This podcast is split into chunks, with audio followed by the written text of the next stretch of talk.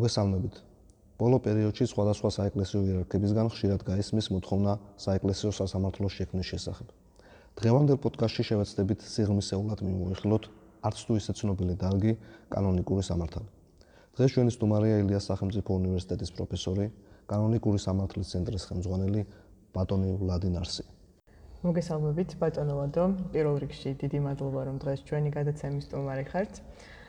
როგორ წარმოიშვა კანონიკური სამართალი? ის უკვე არსებობდა პირველ ქრისტიანულ თემებში თუ მისი წარმოშობა დაკავშირებულია გვიანდელ ეპოქასთან, როდესაც მოხდა ეკლესიის ორგანიზაციული და სტრუქტურული მოწესრიგება? დიდი მადლობა მოწვევისთვის, მადლობა თემით დაინტერესებისთვის.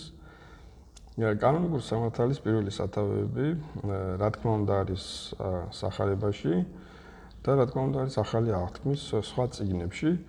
ну, ცხადია მისი სამეცნიერო სტატუსამდე აყვანა მოხდა მოგვიანებით, მაგრამ კანონიკური სამართლის საფუძვლები ნამდვილად არის წმინდა წიგნში, უკთარესად ახალ აღთქმაში.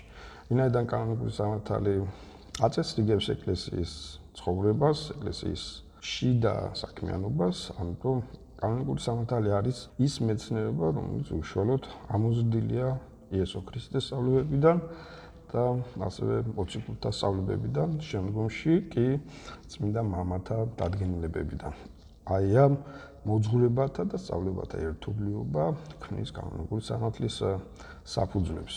აი შეიძლება ალბათ მოკლედ ითქვას კანონიკური სამართლის წარმოშობასთან და მის პირველ საფუძვლებთან დაკავშირებით.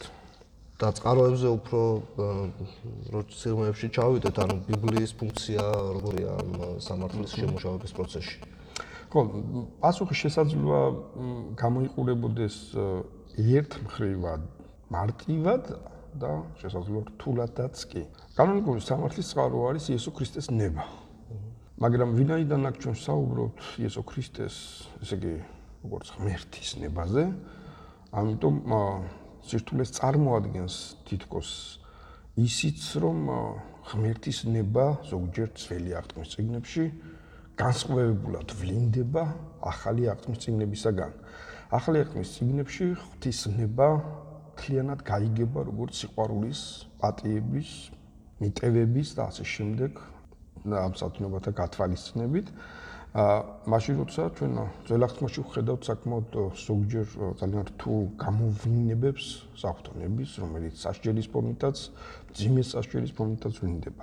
დიახ, ამიტომ კანონიკური სამართალი მის უმთავრეს წყაროდ მიიჩნევს კიდევ ერთხელ გამოვიურებ საფრთხონებას და პირველ წყაროდ კი იესო ქრისტეს მოძღვრებას, შემდეგ მოციქულთა მოძღვრებას, ამ შემდეგ წმინდა მამათა მოძღვრებას, რომლებიც განმარტავენ და ეხებიან ახალი აღთქმის მოძღვრებებსა და სწავლებებს, თუმცა ასევე კანონიკური სამართალი წყაროდ მიიჩნევს ძველი აღთქმის ისეთ დადგენილებებსა და დებულებებს, როგორც არის ცნებები, აჭორის მოსეს, რჯულის წიგნის დადგენილებები და სხვა ის ნიშნულოვანი წესები და დადგენილებები, რომლებიც არ კარგავენ ახალ აღთქმაში საზრისებს და ძირითადად განმარტავენ ქრისტიანული მოძღვრების მორალურ და ეთიკურ შინაარსებს. ეხმარებიან მას. კანონიკური სამართლის წყაროდ, ან შეიძლება ითქვას ირიბად დაკავშირებულ წყაროებს წარმოადგენს ასევე ჰუმანიტარული მეცნიერების სხვადასხვა დარგები, როგორიც არის ისტორია ეკლესიის, როგორიც არის დოგმატიკა, ასკეტიკა, ჰომილეტიკა და მათ შორის შესაძლოა ასევე ვახსენოთ სამართლის მეცნიერების არაერთი დარგი, რომის სამართალი, სამოქალაქო სამართალი და სხვა. კანონიკური სამართალი არ გახლავთ ცალსახად არც იუდიული დარგის მეცნიერება და არც თეოლოგიური დარგის მეცნიერება. ის გარკვეული სინთეზია ამიტომ უთულესია განიმარტოს ცალსახად კანონიკური სამართალი როგორც ან ერთის ესე იგი იუდიულის ან თეოლოგიური დარგისადმი კუთვნილი ესე ვთქვათ დარგი. ბოლო პერიოდში ხშირად ვისმენთ, ვკითხულობთ, როგორც ინტერნეტ მედიიდან, ასევე ტელევიზიიდან, საეკლესიო სამართლის არარსებობის შესახებ საქართველოში. ტერმინოლოგიურ დონეზე რო განგვიმარტოთ, რა მნიშვნელო რა მნიშვნელოვანი განსხვავებაა საეკლესიო სამართალსა და კანონიკურ სამართალს შორის? წინვალი კითხვა არის კანონიკური სამართალი, კანონი მომდინარეობს სიტყვა ბებრაულის სიტყვიდან და პირველ საუკუნეებში მას ეკლესიაში ჰქონდა სულხო გაგება. კანონი გულისხმობდა ნებისმიერი ტიპის სამოძღვრო წესს და დადგენილებას. კანონი ეს ებრაული ძირი აქვს ამ სიტყვას, ის ხელჯუხს, ესე იგი საზომ რაღაც ინსტრუმენტს გულისხმობს. და აი ამ ნიშნით მკვიდრდება ის საეკლესიო ტრადიციაში, საეკლესიო მოძღვრებაშიც და იქცევა შემდეგ, ასე ვთქვათ, უფრო მოგვიანებით ცხადია მეცნიერების ცალკეულ დარგად, დამოუკიდებელ დარგად. საეკლესიო სამართალი გახლავთ ამოზრდილი რომის პრაქტიკიდან, რომის სამართლის პრაქტიკიდან, რომის სამართალში რელიგიასთან და მოგვიანებით ეკლესიასთან დაკავშირებულ დადგენილებებს ეწოდებოდა საეკლესიო სამართლის დადგენილებები. ესე იგი საეკლესიო სამართალს ქმნიდნენ სახელმწიფო მოხელეები და კანონიკურ სამართალს, როგორც მოგახსენებდით, ქმნიდა მხოლოდ და მხოლოდ ეკლესია, ვინაიდან მისი რეგულირების, მისი თაკვირვების საგანი სფერო არის ეკლესიაში და ცხოვრება, ეკლესიაში და საქმიანობა. ამიტომ კანონიკური სამართლის შემქმნელები არიან საეკლესიო იერარქები, საეკლესიო ინსტიტუციები. მაგალითად, საეკლესიო სამართალი შეიძლება იყოს, ნიმუში შეიძლება იყოს კონკორდატი. რა. კონკორდატი შექმნილი არის, ну, სახელმწიფოსთან ეკლესიის თანამშრომლობით, მაგრამ ის უშუალოდ არის ასევე და წარმოადგენს სახელმწიფო სხვა ნორმატიულ აქტს, რა. ესე იგი, საეკლესიო სამართლის ნორმა, მაგრამ თუ მაგალითად ავიღებდით 1995 წლის დებულებას ეკლესიის მართვა გამგეობის კანონიკური სამართლის, თქვა ხო, რადგან ის შემუშავებულია უშუალოდ ეკლესიის ადმინისტრაციული ორგანოს სინოდის მიერ და მათთან გავლენა არაფერი ქონია სახელმწიფო წარმომადგენლობას, ხო?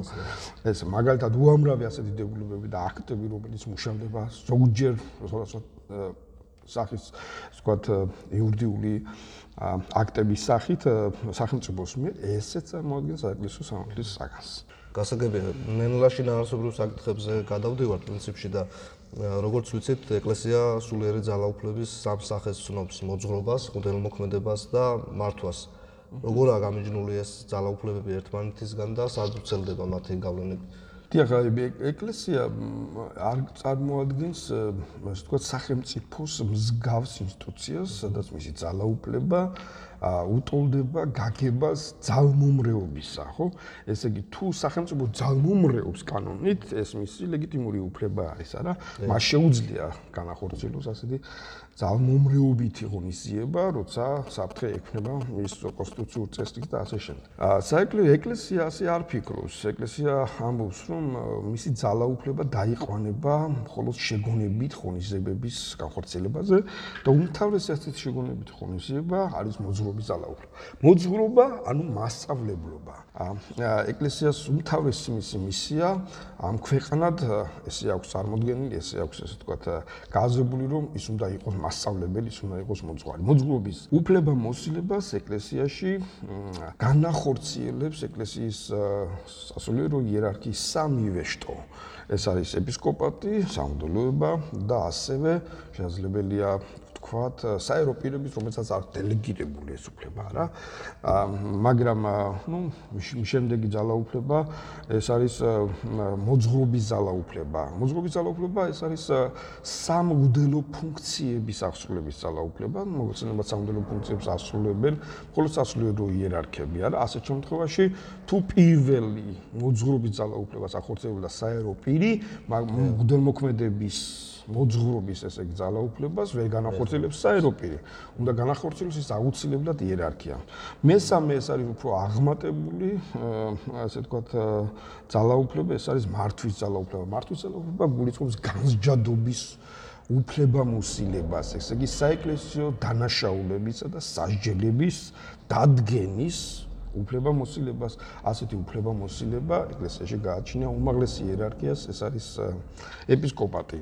დიახ, ეს არის ძირითადად ძალაუფლება და ის სახეობები, რომელიც ხორცელდება ეკლესიის მიერ და რომლითაც განსაზღვრულია შეიძლება ითქვას ეკლესიის ცხოვრება, ეკლესიის მართვა და საეკლესიო მსახურება. ბატონო ლადო, აი მოკლედ მოკლედ რომ აღგვიწეროთ პროცესი კანონიკური სამართლის მიხედვით სასამართლოს შემთხვევაში ვინ არის აქ მოსამართლე, როგორ ხდება ბრალდების წამოყენება და ბრალისგან თავდაცვა? რა ფორმით ტარდება მაგალითად კანონიკური სასამართლო პროცესი? საეკლესიო სასამართლო არის ერთ-ერთი მნიშვნელოვანი ინსტიტუცია და ეკლესიაში საეკლესიო სასამართლოს არსებობის პირველი ნიშნები დადასტურებულია მოციქულთა ეპოქაში. პრინციპი, რომელსაც საეკლესიო სასამართლო ეფუძნება, ეს გახლავთ მაცხოვრის სწავლება მათ სახარებაში, რომ თუ შენი ძმა შესწოდავ შენ სინაშე, მიდი მას და ამხილე პირისპირ. თუ კი ის არ შეისმენს ამ ხილებას, მიდი მეორე დამხილეს, შემდეგ თუ კი ისევ არ შეისმენს ამ ხილეს კრებულთან, თუ კი შეისმენს შეგიძენია ძმაჟერი, თუ კი არა, ესე იგი ის იყოს მეზვერე და განუტევე, ესე იგი ეს არის პრინციპი, რომელსაც ებრძნება საეკლესიო სასამართლო. საეკლესიო სასამართლოს პირველი ნიშნები მისი არსებობის როგორც მოგახსენეთ კორინთელთა წიგნში პავლესთან გვხვდება. პავლე საყვედურობს კორინთელებს იმაზე, რომ კორინთელები საეკლესიო საქმეთა განხილვებსა და დავებს ხშირად სამოქალაქო სასამართლოებში, ესე ვთქვათ, აწყობდნენ. და პავლე ეუბნება კორინთელებს, რომ ნუ თუ არიცით, რომ სამოქალაქო სასამართლოზე უპირატესი საეკლესიო სასამართლოა. ძალიან მნიშვნელოვანი არის იმის აღნიშვნა, რომ პირველი საუკუნეების იმპერატორთა ნოველებსა და დიგესტებში გვხვდება ჩანაწერები იმასთან დაკავშირებით, რომ პირველ მეოთხე საუკუნეებში არსებობდა საეკლესიო სასამართლოების სამ მიტროპოლიტოს სასამართლოების და მოგვიანებით უკვე იუსტინიანეს ნოველებში გვხვდება ასევე საპატრიარქო სასამართლოების შესახებ ჩანაწერები. ეს რაზე მეტყოლებს და რატომ მინდოდა ამაზე ხაზგასმა? ჩვენ როცა დაიწყო საუბრები საეკლესიო სასამართლოს აღდგენის შესახებ საქართველოსში ან ზოგადად იმის შესახებ, რომ საეკლესიო სასამართლო უმნიშვნელოვანესი ინსტიტუტი არის ეკლესიის ცხოვრებაში, საპატრიარქოს და საქართველოს მართლმადიდებელი ეკლესიის ერთი ჯგუფისაგან მოვისმინეთ ასეთი პასუხი, რომ საეკლესიო სასამართლო თურმე არ წარმოადგენს და შეუძლებელია თავსებადი იყოს საეკლესიო მოძღვრებასთან და არასოდეს ყოფილა ასეთი პრაქტიკა ეკლესიის ცხოვრებაში. რაც მე ვიტყოდი ძალიან რბილად არის ალბათ საქმის არწოდნის ან არასწორად შეფასების ერთგვარად უნებლიე გამოხდომა საეკლესიო სასამართლო ეს არის უნიშნულოვანესი ინსტიტუტი, რომელსაც ეფუძნება ეკლესიაში წესრიგის გარანტი და ის წარმოადგენს უნიშნულოვანეს, ასე ვთქვათ, ინსტრუმენტს იმისათვის, რომ საეკლესიო წესრიგი, რომელიც ასევე აღიარებულია საფრთხო წესრიგად, იქნას დაცული ეკლესიაში. რაც შეეხება თქვენი კითხვის უშუალოდ ეს შინარს, თქვენი კითხვა რომ დავაზუსტოთ, ესე შეიძლება გავცეთ პასუხი, საეკლესიო დანაშაულები იყოფიან საერო პირების მიერ ჩადენილი დანაშაულებისა და საეკლესიო იერარქიის მიერ ჩადენილი დანაშაულების კატეგორიებად. საეკლესიო პირების მიერ ჩადენილი დანაშაულის იერარქიის მიერ ჩადენილი დანაშაულს ზოგიერთ ასეთ დანაშაულთან მიმართებაში საკმარისია 6 ეპისკოპოსის ეს გადაწყვეტილება იმისათვის რომ ჯავლი იქნას გამოტანილი ზოგიერთ ძიმე დანაშაულზე 12 ეპისკოპოსი მიუთითებს საეკლესიო კანონმდებლობა მაგრამ რაც შეეხება საერო პირებს საერო პირების მიერ ჩადენილი დანაშაულებთან დაკავშირებით შესაძლებელია სასამართლომ გამოიტანოს უფლებამოსილების ფარგლებში დელეგირებული უფლებამოსილებით გამოიტანოს გადაწყვეტილება და ასეთ შემთხვევაში საჭირო სრულებითაც არ იყოს ეპისკოპოსის ესე ვთქვათ ესე იგი საევროპეებთან მიმართებაში ზოგიერთ ასეთ დანაშაულებს, რომელიც არ არის მძიმე ხასიათი, აქ ახლა კატეგორიზაციაზე უნდა დავიწყოთ მაშინ ლაპარაკი და ალბათ შორწაგვი შორწაგვი ამიტომ საუბრობ ცოტა თქვა ზოგადად და არის ესე იგი დანაშაულთა კატეგორიზაცია, მძიმე დანაშაულები, მსუბუქი დანაშაულები, ნუ განზარჩადენილი, ორჯერ ჩადენილი და ასე შემდეგ. გააჩნია დანაშაულები საევროპეებთან მიმართებაში, ზოგჯერ შესაძლოა სრულებით და ზარ იყოს აუცილებელი საეკლესიო ეს უმაღლესი საეკლესიო იერარქიის, ესე იგი ეპისკოპოსის მოწმობა ასეთ უფრო დაბალი ერარქის სასულიერო პირ. დიახ ეს დელეგირებული უფლები შეიძლება მოხდეს. სასამართლოს საკმაოდ ხშირად მოხდება ხოლმე სასჯელიც და რა არის საეკლესიო სასჯელი ეპიდემია, რა შემთხვევაში გამოიყენება და რა სიტუაციებს. დიახ, აი სასჯელი, არა, ვამბობთ ხოლმე ამ სიტყვას, თუმცა ალბათ კარგია შევცვალოთ ეს სიტყვა და უფრო მეტად გამოვიყენოთ მაკურნებელი თერაპიული ღონისძიება. ეხლა როგორ ავსახოთ ეს ეს ერთ სიტყვაში ალბათ ცოტა რთულია, ამიტომაც ეპიდემია ნამდვილად მის ეს არ გახლავთ ქართული სიტყვა მოგეხსენებათ, ეს არის ბერძნული სიტყვა და მისი შინაარსობრივი ეტიმოლოგიური გაგება სწორედ ის გახლავთ, რომ ეს არის თერაპიული ღონისძიება. საეკლესიო სამართალი განსხვავებით სამოქალაქო სამართლისაგან მის ამოცანად არ ისახავს იმას, რომ აღადგინოს რაღაც დარღვეული სამართლიანობის იდეა. რა სამოქალაქო სამართალი ადგენს საჯელს იმისათვის რომ მან დარღვეული სამართლიანობის იდეა ესე ვთქვათ რომელიც დაიყვა გარკვეული ქმედებით ის აღადგინოს ესე იგი არსებობს რაღაც უნივერსალური სამართლიანობის ჯერარსული პრინციპი და ამ ჯერარსულ პრინციპთან მიმართებაში უნდა იქნას ესე ვთქვათ გასწორებული სამართალი ეს არის სამოქალაქო სამართლის უმთავრესი დანიშნულება საერთოდ სამართალი განსხვავებით სამოქალაქო სამართლისგან ის უმთავრეს ამოცანად ისახავს ადამიანის სულის ხონების ხელშეწყობას. ამიტომ ის მიიჩნევს რომ ადამიანი რაც არ უნდა რაც არ უნდა მართალი იყოს ის საფრთხო სამართლის მიმართ ყოველთვის დამნაშავეა. საფრთხო სამართალთან მიმართებაში და ღმერთთან მიმართებაში ადამიანი იმდენად არის ესე ვთქვათ იმ მიზნებისთან რომელიც არის სულის ცხონება იმ მიზნებთან მიახლოებული რამდენადაც ღმერთის მოწყალებას ის გამოიხმობს და ღმერთის მოწყალება გამოვლინდება მასზე. ამიტომ აი ამ გზაზე საეკლესიო სამართალის ეპიდემია, საეკლესიო სასჯელი ხელს უწყობს მონანულს იმისათვის რომ მან ასე თქვა სინანულის გზით მოახდინოს სულიერი რეაბილიტაცია და ეს გახლავთ საეკლესიო სასჯელის, როგორც მოახსენებდით, ეპიდემიის თერაპიული ღონისძიება, რომელიც ვლინდება უმთავრესად სიყვარულის მოთმინებისა და სინანულის გზით. პრაქტიკაში რომ მაინც აღწეროთ რა შეიძლება იყოს, იმიტომ რომ თქვა გამიგია გამაბნეველი რომ არის. ხო, ანუ რაღაც განმეორებადი ქცევები, თქვა შეიძლება დაუალებია, თქვა ასე თქვა სასულიერო პირს რა სახის რაღაცა ქმედება შეიძლება იყოს ან რა როგორ შეიძლება კონკრეტულად გამოვლინდეს ეს ეპიდემია. დიახ, აი საეკლესიო დამათლებრივი პრაქტიკა იცნობს სინანულის ათნოების სხვადასხვა ფორმით აღსრულების ეს თქვათ გზებს. სინანული გახლავთ დაკვირვება რაღაც საკუთარ თავზე, რომელიც პრინციპში ხორციელდება საკუთარ თავთან ჩაღრმავების, საკუთარ თავთან დიალოგის პროცესის შედეგად. არის მნიშვნელოვანი და ძალიან საინტერესო სიტყვა მეტანოია. მეტანოია არის ბერძნული სიტყვა, რომელიც ძალიან მოკლედ გულისხმობს სინანულს. ძალიან მნიშვნელოვანია და გამომართოთ აქვე, რომ სინანული არის ძალიან საიდუმლოებითი საკრალური აქტი. სინანული გულისხმობს გარკვეული სათნოებების ერთობლიობის შედეგად სულის განწმენდის, თქვათ, შესაძლებლობას. ხო, ამ სინანულის გარდა საეკლესიო პრაქტიკა იცნობს მაგალითად ისეთ საიდუმლოებით საკრალურ ღონისძიებას, როგორიც არის ლოცვითი მედიტაციური ღონისძიებები, არა? ამ ლოცვით და მედიტაციურ ღონისძიებებში განიწმინდება სული, მაგრამ ჩვენ ვერ ვიტყვით ახლა დაუშვათ რაციონალურად ეს ძალიან რთული იქნება.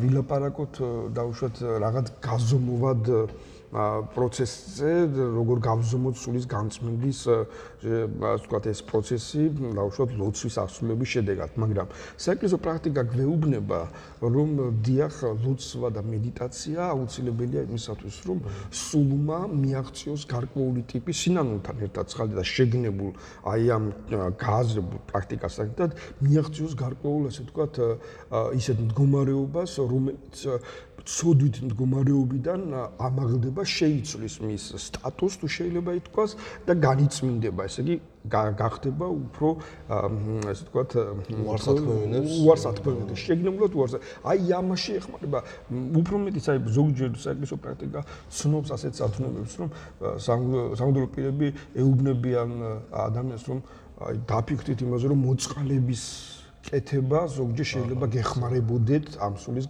განწმინდაში და აი ამგვარი პრაქტიკა ეს რაციონალურად ძალიან რთულად აღსაწერია. მაგრამ კიდევ ერთხელ ვამბობ ეს არის საიდუმლოებითი პრაქტიკები რომელსაც იყენებს ეკლესია ადამიანის სულის განწმინდისთვის. ასევე რო განმარტოთ რა არის ეკონომია და რა შემთხვევაში გამოიყენება ეკონომია არის უნიშნულოვანესი ინსტიტუტი საეკლესიო სამართლის, რომელიც გვეუბნება, რომ მკაც მკაცრი რიგორისტული გამოყენება კანონის ტექსტის ყოველთვის არ შეიძლება იყოს, ვთქვათ, იმ შედეგის მომტანი, რა შედეგითაც, რა შედეგი შეიძლება დადგეს ასეთი მკაცრი კანონისგან დროებითი გადახვევის შედეგად. ეხლა მოდი განმარტოთ ეს რაღაც ფორმალური ტექსტი. ეკონომია ეს არის მაგალითად შემთხვევა, როცა ადამიანს ჩადენილი აქვს გარკვეული ტიპის ცოდვა, კანონი ამბობს ამ ცოდვასთან დაკავშირებით, რომ ამ ცოდვის ჩამდენს აიგრძალოს ზიარება მაგალითად 5 წლით და 5 წლით, მაგრამ პრაქტიკა გვეჩვენებს, რომ 5 წლის 5 წლით დაყოვნება ადამიანის, რომელიც ცოდვაში არის, შესაძლოა უარეს შედეგებს თან იყოს დაკავშირებული, ვიდრე დაუშვათ აი ამ კანონის დროებით შემსუბუქება და დაკვირვება ადამიანის სინანულს. ამიტომ სინანული მნიშვნელოვანი აქტია თავისთავად, მაგრამ ეკონომია გააძლევს შესაძლებლობას, რომ ეს ხუთწლიანი დაყოვნება შევამციროთ სინანულის კვალობაზე სინანულის გათვალისწინებით, მაგალითად შესაძლოა, ну, რაღაც სამი თვით. პირობითად ვამბობთ ამას. ესე იგი, ეკონომია გვაძლევს შესაძლებლობას გვერდი აუაროთ კანონის კაც რიგორისტულ დადგენილებას და შევამსუბუქოთ ის იმის მიხედვით, რამდენადაც გამოვლინდება მონანულის მიერ სინანული და მოგუცემს მოგუცემს საშუალებას ეკონომია, რომ ადამიანს თერაპიული ღონისძიება განმახორციელოთ უფრო შედეგებზე ორიენტირებით, ვიდრე შეიძლება ეს ყოფილიყო კანონის კაცრი აღმონაკლის შემთხვევებში. და გამონაკლის შემთხვევებში. და როგორ გავლენას ახდენს კანონიკური სამართალი ქრისტიანის ცხოვრების ისეთ საკითხებზე, როგორც შეიძლება იყოს ზიარება, ნათლობა, ქორწინება, გასაგებია, რომ შეიძლება დეტალურად ვერ ვისაუბრებთ თითოეულ მათგანზე, მაგრამ ზოგადი გავლენა როგორია? აჰა. თქვენს მე ჩამოთვლილი ნიშნულოვანი საიდუმლოებები, საეკლესიო საიდუმლოთა, შვიდ საიდუმლოთა შორის წარმოადგენს ეკლესიის ცხოვრების უმთავრეს პრაქტიკას. ვინაიდან ჩვენ საუბრობთ კანონიკურ სამართალზე, რომელიც აწესრიგებს ეკლესიის ცხოვრების თითქმის ყველა ნიშნულოვან მხარეს და გამოვლენებას შეუძლებელია კანონიკური სამართლის გარეშე ჩვენ აღწეროთ და დავინახოთ ზიარების, ნათლობის, ქორწინების თუ სხვა საიდუმლოთა განხორციელების შესაძლებლობა ეკლესიაში. ეს კანონიკური სამართალი ეს გახლავთ უმთავრესი ინსტრუმენტი იმისათვის, რომ ჩვენ დავახასიათოთ და აღწეროთ ნებისმიერ ამგვარი საიდუმლო, მისი მნიშვნელობის, განხორციელების წესის და ასე შემდეგ სხვა დეტალების, ესე ვთქვათ, დეტალების გამოკვეთით. ანუ კანონიკური სამართალია სწორედ ის დისციპლინა, რომელსაც შეუძლია ასეთ ნორმატიულ ტექსტში მოაქციოს და განსაზღვროს დაარეგულიროს თითოეული მათგანი. დაარეგულიროს თითოეული მათგანი, როგორც მოახსენებთ, ეკლესია სწორედ არის საეკლესიო საიდუმლოების განხორციელების პრაქტიკა. სხვა მეტი დანიშნულება ეკლესიას არ გააჩნია. აი ამ პრაქტიკასთან მიმართებაში მისი აღწერის განხორციელების დასშემდგენ დანიშნულება გააჩნია კანონიკურ სამართალს. ბატონო ლადო, რამდენად არეგულირებს, თქვა, აწესრიგებს ანეხება მართლმადიდებლური კანონიკური სამართალი სექსუალურ ეთიკას ეკლესიაში? დიახ, სექსუალური ეთიკა ეს ყოველთვის იყო კანონიკური სამართლის და საეკლესიო მოძღვრების დაკვირვების ეს თქვა საგანი სხვადასხვა დროს, სხვადასხვა ეპოქაში და კანონიკური სამართალი ზოგადად კრისტალურ მოძღვრება შეიძლება ასე ვთქვათ, რომ გამოკვეთილად ვთქვათ კონსერვატიულია, ძალიან მკაცრია, თუმცაღა ის გვერდს არ უვლის და არ დუმს ისეთ მნიშვნელოვან ცხოვრებისეულ გამოვლინებებზე, რომელიც ადამიანის სექსუალურ ეთიკასთან არის დაკავშირებული და დღესაც ძალიან ხშირად მოისმენთ э, არა საქართველოს ეკლესიაში უსამწყაროდ, э, მაგრამ სხვა მართლმადიდებელ ეკლესიათა ტრიბუნებიდან თუ საერთაშორისო რაღაც შეკრებებიდან, ფორუმებიდან, კონფერენციებიდან საუბრებს სექსუალური ეთიკის, ბიოეთიკის და სხვა მნიშვნელოვანი და აქტუალური თემების შესახებ. ამიტომ დიახ, ეს არის საკითხი, რომელიც უმთავრესად წარმოადგენს საეკლესიო მოძღვრების დაკვირვების ობიექტს და შეუძლებელია ჩვენ გვედიაუაროთ დღეს განსაკუთრებით, როცა რაღაც ასე ვთქვათ, თანამედროვე გამოწვევები სხვადასხვა მიმართულებით აი ამ კუთხით э, ძალიან ზედაპირზეა და ცხადად ესე ვთქვათ ვხედავთ ამ ყველაფერს. ეს არის საეკლესიო მოძღვრების უმთავრესი ამოცანა პასუხი გაცეს ასეთ გამოწვევებსა და ასეთ საკითხებს. საქართველოს მართლმადიდებელი ეკლესიაში თუ არსებობდა საეკლესიო სასამართლოს ტრადიცია და რა ფორმით ეს რო ეს ორგანო ასე ვთქვათ რა ფორმით არსებობდა ისტორიულად ჩვენ ეკლესიაში.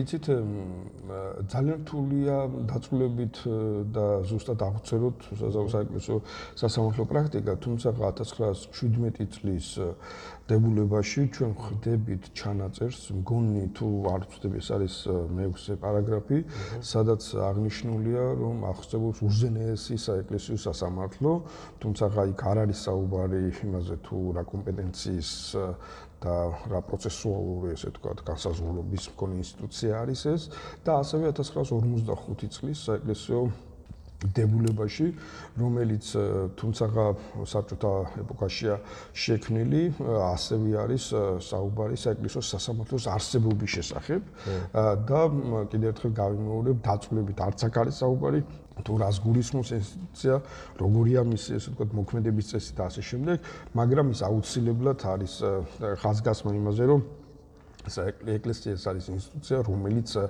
თავის თავში მოიცავს საეკლესიო სასამართლოს არსებობის აუცილებლობას და აი ამ ჩანაწერით სწორედ ეს არის ნათქვამი, რომ საეკლესიო სასამართლო ეს მნიშვნელოვანი ინსტიტუცია. ჩვენ ვერ ვიტყვით, რა თქმა უნდა, და არ გვაქვს უფლება, აა, ვთქვათ, რაღაც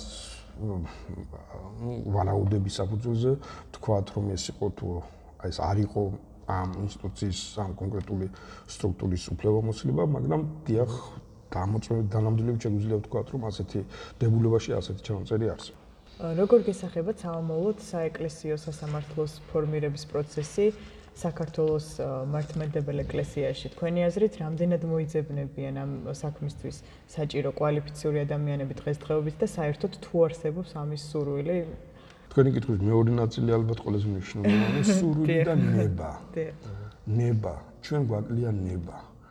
დღეს 21 საუკუნეში რაც არ უნდა გასაკვირად შეგდეს ეხა და ეს რაც არ უნდა გაგვიკვიდეს, ну არის ეს რეალობა, რომ თეორეტიკოსები ძალიან იოლად მოსაძებნია. ხო დღეს ალბათ შეუძლია და მეც ვიტყოდი რომ მე დიდი ხანია მუშაობ ამ საკითხებზე და ინტერესი მაქვს და შემიძლია რაღაც ეს თუ ტექსტები და შევქნათ და ავდოთ აქ მთავარი ეს კი არ არის, აქ ნება მთავარი, რომ ეკლესიას ეს ნება არ აქვს. საეკლესიო უმაღლეს იერარქიას ვინც მართავს ეს ეკლესიას არ აქვს ნება, რომ ეკლესია ამ გვარი წესებით მართოს, იმიტომ რომ მათთვის ალბათ უკეთესია მართონ ეკლესია იმ წესებით, რა წესებითაც ისინი დღემდე მართავენ ეკლესიას, სადაც არავითარი კანონები, რომლებიც გამოძახილი უნდა იყოს საეკლესიო ცხოვრების, მრავალსაუკუნოვანი ტრადიციების, მოძღვრების, ეს კი არ იყო სახელმწიფო პრინციპებად აღებული, არამედ საკუთარი შეხედულებები და ეს არის ჩვენი უბედურება. და რა თქმა უნდა, ვხედავ პერსპექტივას და შესაძლებლობას სულად ცხადად, რომ თუ იარსებებს ნება, იქნება ძალ შესაძლებელი სულად მარტივად, თქვა აი ამგვარი ინსტიტუტის ჩამოყალიბება და ძალიან დიდი მადლობა სტუმრობისთვის. ძალიან საინტერესო საუბარი შედგა. ეს თემა არის ისე ცნობილი არის ალბათ ჩვენი მსმენელისთვის და ზოგადად. და მომავალ შეხვედრამდე. ძალიან დიდი მადლობა. მე წარმატებებს ვუსურვებ თქვენს პოდკასტს. ასევე მინდა გითხრათ, რომ ძალიან დასაფასებელია თქვენი შრომა და ინტერესი ამ საკითხებისადმი საქართველოსში. ზოგადად რელიგიასთან დაკავშირებული არაერთი აქტუალური საკითხი ჯერ კიდევ განიცდის ვთქვათ სიმწირეს და ყველა ასეთი მცდელობა და შრომა ერთიურად არის სასაფასებელი და ძალიან დიდი მადლობა ამ გადაცემისთვის და ყველა იმ გადაცემისთვის რომელიც მე მომისმენია და იყო ძალიან საინტერესო. მადლობთ მომავალ პოდკასტამდე.